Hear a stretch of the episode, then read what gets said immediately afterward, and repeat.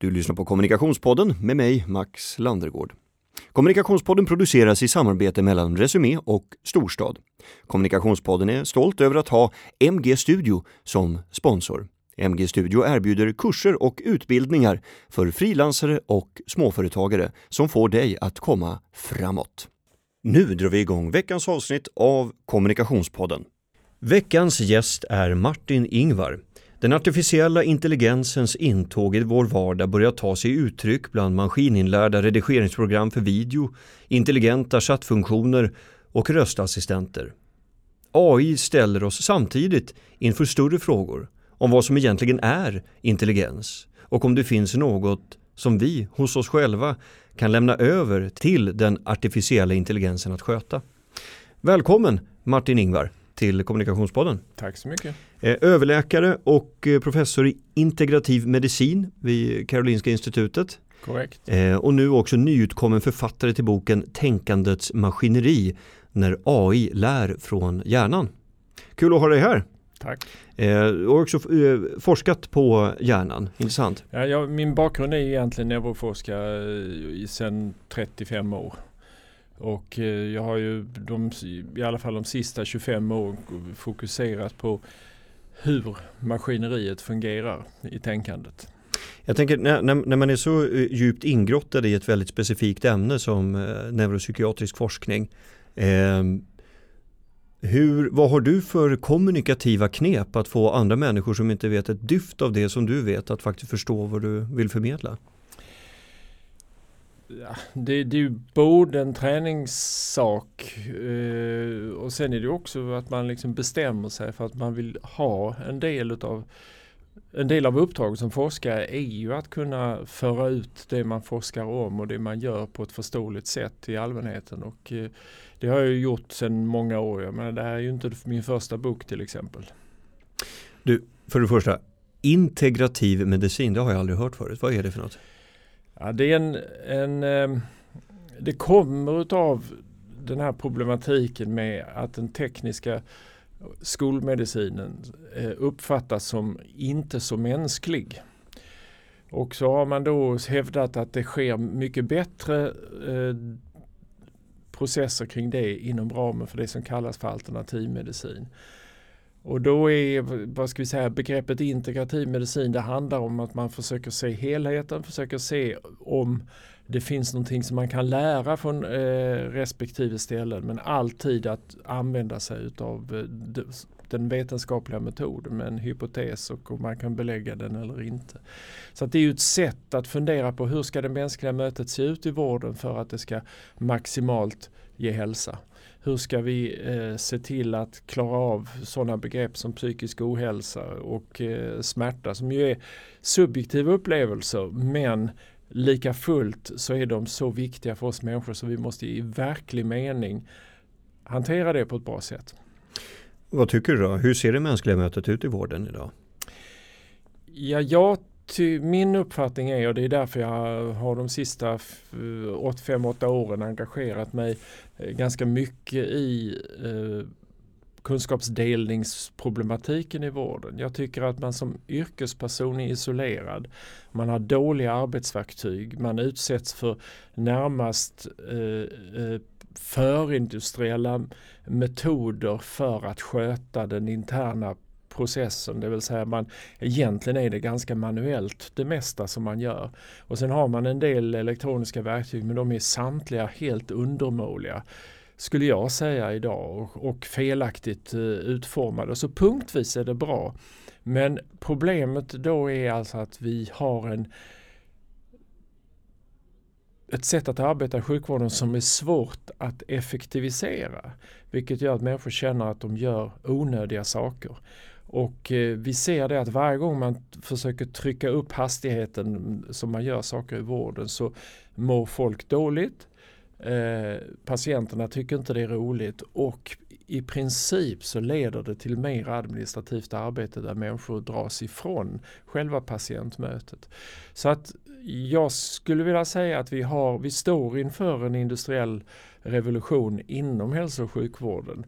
Eh, och industriell inte i meningen att eh, löpande band utan i meningen att man i industrin bestämmer sig för vad man vill göra. Sen gör man på ungefär likadant sätt varje gång man träffar samma problem.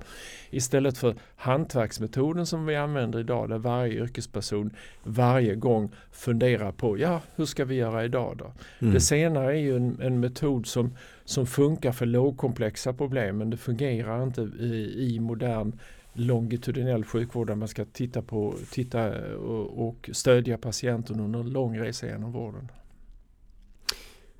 Nu till boken Tänkandets maskineri. Varför ville du skriva boken? Jag ville skriva boken därför att man det finns en slags magi omkring ordet artificiell intelligens. När i själva verket det handlar egentligen för det mesta om automatisering utav, utav digitala processer i de flesta fall. I viss mån med maskininlärning. Det är det mesta som vi gör idag. Eh, och, och så vill jag, eh, vill jag förmedla att det finns ett antal trick kan man säga som evolutionen har skruvat i vår hjärna som gör det möjligt att lösa intelligenta problem som vi idag inte kan lösa med artificiell intelligens. Och jag menar att vi börjar nu se effekterna av att man börjar lära sig från hjärnan. Det här med inre representation, det här med att reducera beräkningskravet genom att eh, uppdatera omvärlden istället för att ständigt göra en ny bild av omvärlden. Att man låter AI-bottar lära utav varann, det vill säga social inlärning mellan eh, artificiella intelligenssystem eller bottar som det brukar kallas. Eh, och det gör det att jag tror att vi har en, en ganska bra förutsägelse av vad som kommer hända och det tyckte jag var spännande att göra. Och sen tyckte jag också i grunden att det var spännande att diskutera intelligensbegreppet och kreativitetsbegreppet, förståelsebegreppet och vad är kunskapsbegreppet i de här sammanhangen eftersom det annars blir så abstrakt när man talar om eh, artificiell intelligens. Mm. En av eh, de disciplinerna som du tar upp i boken eh, är kommunikationstjänster om vi ändå är inne på automation av eh, digitala tjänster. Alltså vilka typer av kommunikationstjänster pratar vi om? Ja, du använder ju dem redan idag. Jag menar så fort du frågar din mobiltelefon var ska jag gå till nästa möte Eh, så använder du dig av artificiell intelligens eh, för att snabba på informationsinhämtning. Eh, du använder det när du ringer till praktiskt taget vilket stort företag som helst så saxar de in dig i rätt fack genom att du svarar på ett antal frågor antingen muntligt eller genom lite knapptryckningar. Ja just det. Vad gäller ditt ärende? Just det. Ringer du till sjukvården för depression så lönar det sig inte att trycka på någon knapp. Exakt. Du måste tydligt förklara. Nu förstod jag det inte. Kan du upprepa? Mm. Ja, okej. Okay. Eh, kommer det vara möjligt att skapa ett artificiellt autonoma medvetande som är sömlöst likt ett mänskligt medvetande? Ja, det är ju det, är ju det man kallar för eh, eh, eh, vad heter det? Eh, alltså det, det, är ju ett, ett känt gammalt test inom eh, artificiell in, eh, intelligensforskningen som man har diskuterat. Alltså när, när äkta intelligens är när man inte kan skilja det från en, en människa. Jag tycker det är en för smal och, och för lätt definition. Eh, jag tycker att ibland kan jag inte skilja på en människa, en människa eller en, en maskin. Till exempel när någon som man känner har druckit tre snapsar så eh, är det oklart för mig. Jag menar, det kan visserligen vara en vänlig och bra person but uh, he or she doesn't make sense. Uh, så att jag, jag, jag, tycker inte riktigt det är den, det är den, den, den rätta definitionen. Men osett det så är jag helt övertygad om att det kommer gå bra att göra det. Mm. Helt klart. det innebär eh, vad är det som krävs för att vi ska tro att det är en människa på andra sidan? För det första så vill vi tro att det är någon annan. Det finns väldigt enkla program som man kan hålla på med ganska länge och som människor faktiskt är rätt osäkra på om det är människa eller inte. Eh, sen kan de bli mer komplexa och de kan klara av abstrakta relationer i diskussionen. De kan eh, klara av eh, metaforer och de kan klara av i viss mån i vart fall humor genom att ha en, en känslighet för det kulturella sammanhanget. Mm. Så att, eh, och väl man har prickat dem där. Eh, om du tänker på de sökningar som du gjorde på Google för fem år sedan jämfört med de sökningar som du gör idag. Mm. Så kan du skriva långa meningar och ge hintar åt olika kontexter och bara byta ut någon enstaka hint och så ändrar sig sökordningen helt. Så du ser ju att man börjar få en, en hygglig ja, alltså en hygglig matematik i, i det här som då är kontextkänslighet. Och så fort du får mm. det så är det helt omöjligt att, att, skilja på om det är människa eller maskin. Sen var nästa fråga om det var medvetande. Mm. Hur vet jag att du är medveten? Ja, nej men precis. Det, det är det som är så intressant i, i boken också. Att, få, att ta del av det resonemanget. Ja. Ja. ja. Och det vet jag ju inte. Nej. Eh, jag ansätter medvetande på dig eftersom jag liknar dig efter min uppfattning om mig själv. Mm. Så jag har alltså en självuppfattning att jag är medveten och eftersom du agerar på ett meningsfullt sätt så ansätter jag medvetande hos dig. Men vad medvetandet i sig är annat än en, vad ska vi kalla det, en, en, en beräkningsbesparande efterkonstruktion av vad som hände i omvärlden. Eh, det, det vet inte jag. För det är, det är en extremt effektiv räknedosa, eh, medvetandet.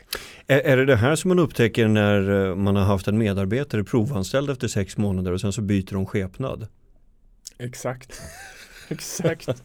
Det nej, nej, men det, det, det, det, finns, det finns eh, de som har funderat kring detta. Intressant. En sak som du återkommer till eh, i boken det är ju språket. Du var ju inne på det nu lite grann också. Men alltså språket och de språkliga hierarkierna. Eh. Ja, språk, språk är ju en jätte, eh, är ju jätteintressant för det är ju en typisk eh, pragmatisk ordning. Alltså en sak kan vara en underkategori i vissa sammanhang och vara en överkategori i andra sammanhang. Och men den här kategoribildningen den gör att jag bygger in förutsägelse i det som är och så fort jag bygger in förutsägelse i språket som ju löper över tiden så kan jag redan förstå vad du tänker säga innan du har sagt det. Mm. Vilket gör att jag kan fortsätta efter det att du har gett mig plats att tala och börja min mening långt innan jag är medveten om vad jag tänker säga i den meningen som jag svarar dig med. Mm.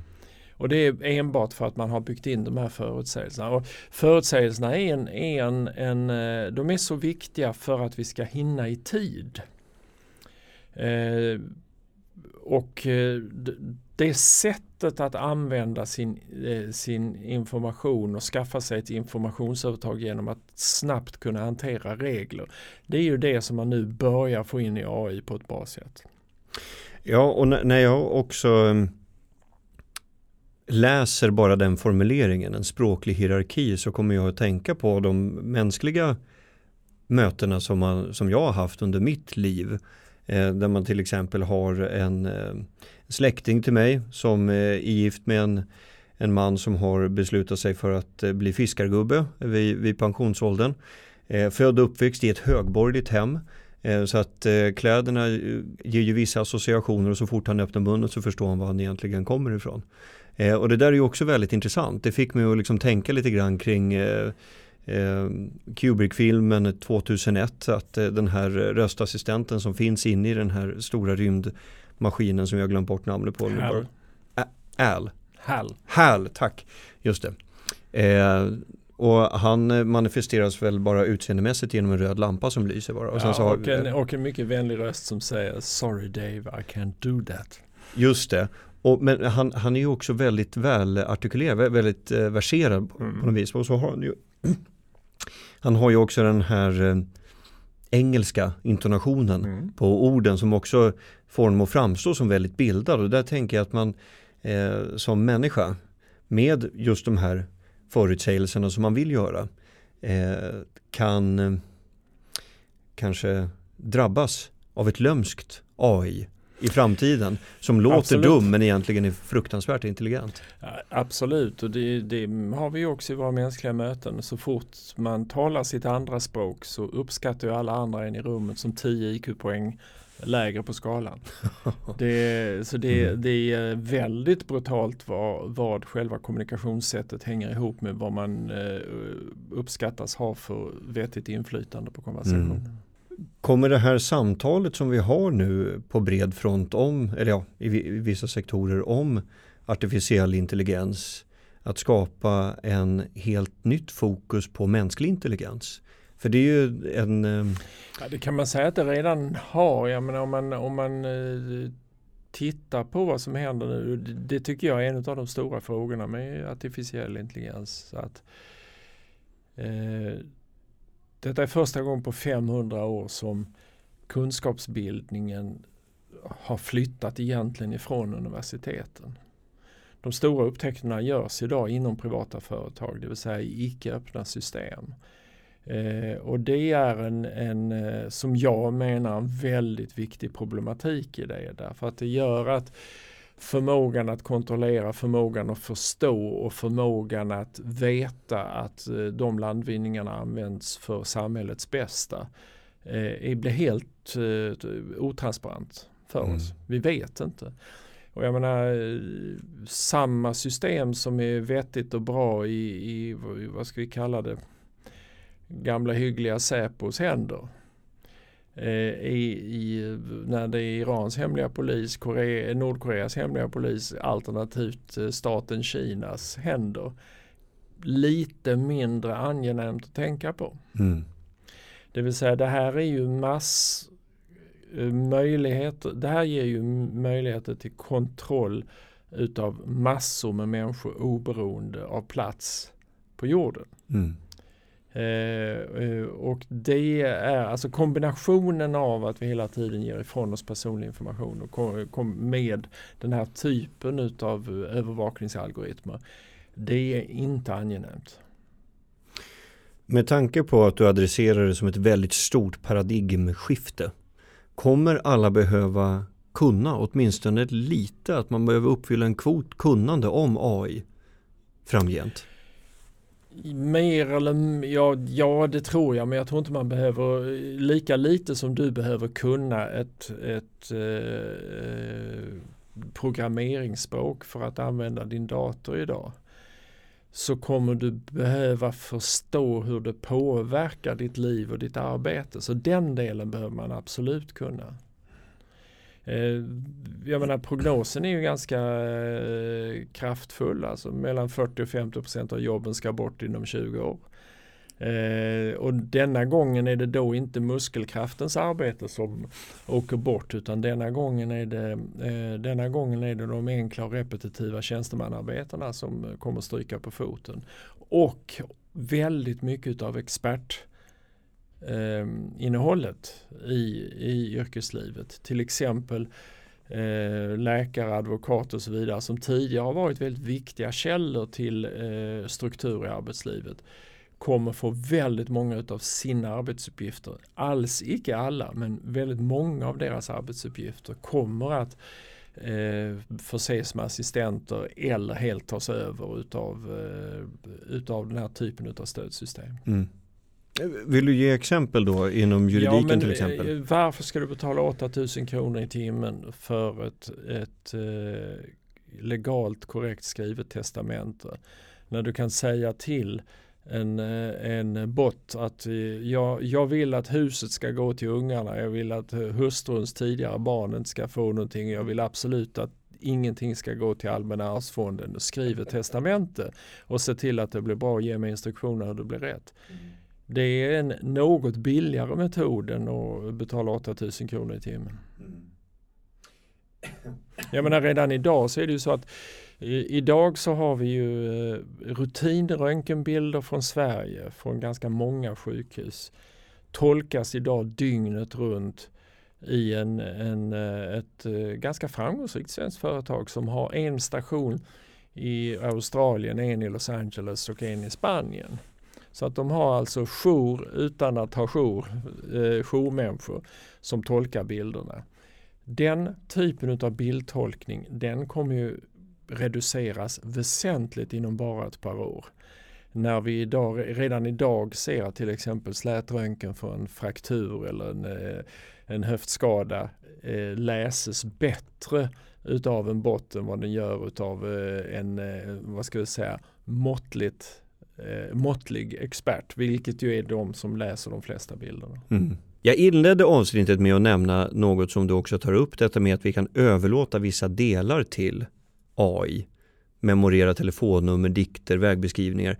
Ser vi framför oss ett antal appar som lever ett eget liv och har en egen röst som står till vår tjänst? Ja, alltså du har ju egentligen redan börjat den resan. Eh, men du behöver inte förpacka dem som appar. Det tillhör säkert början av 2000-talet. Du kommer säkert förpacka det på gränsen mellan vad som är en en fil och vad som är en informationsbit den har du redan märkt på datorn. Först var du tvungen att hitta någonstans och lägga den i mappen. Nu kan du bara säga att plocka fram det och det dokumentet och så kommer ditt dokument fram. Mm.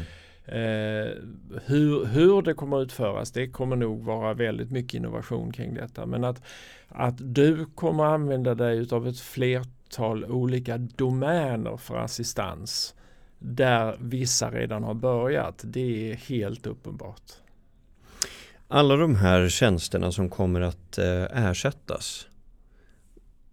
Den här frågan har ju stötts och blötts, eh, kommer fortsätta göra det också. Eh, var ska människorna ta vägen? Ja, alltså det är helt klart att vårt eh, arbetsliv kommer, alltså det är ju många filosofer, moderna filosofer som resonerar omkring arbete som en del i att känna mening i sitt liv. Eh, det kommer att förändra sig. Det, vi kommer hitta på andra saker. Det är inte så. Jag menar bara se bara att inom min livstid, jag är ju inte jättegammal. Men äh, gammal är jag. Men alltså inom Vilket år är du född? 55. 55 ja. uh, jag menar inom min, min livstid så har vi gått från 12 till mindre än 1% som uh, laga, vad heter det, fixa maten. Mm. Vi har eh, gått från eh, 30% ner till 10% av vår tid för att fixa maten eh, och tjäna ihop till maten hemma. Mm. Alltså det, är en, det, är en, eh, en det, det, sker stora samhällsförändringar men så länge de sker gradvis så märker man dem ganska lite utan det är först när man sätter sig ner och gör huvudkalkylen som man ser hur stora förändringarna är. Och eh, jag menar bara de sista 20 åren så har vi gått ifrån 22 års ålder till 27 års ålder i medeltal för inträde i arbetsmarknaden. Eh, så vi har ju redan påbörjat den här resan. Mm. Eh, där vi som, som det heter reducerar arbetets del av livet. Jag menar den andra stora förändringen som jag, jag tror kommer, kommer och den kommer vara mindre behaglig. Det är att vår, eh, särskilt i Sverige där vi har den här konstiga kommunala självstyret som vi har i Sverige. Som byggde på att man kunde bara bestämma det man kunde se.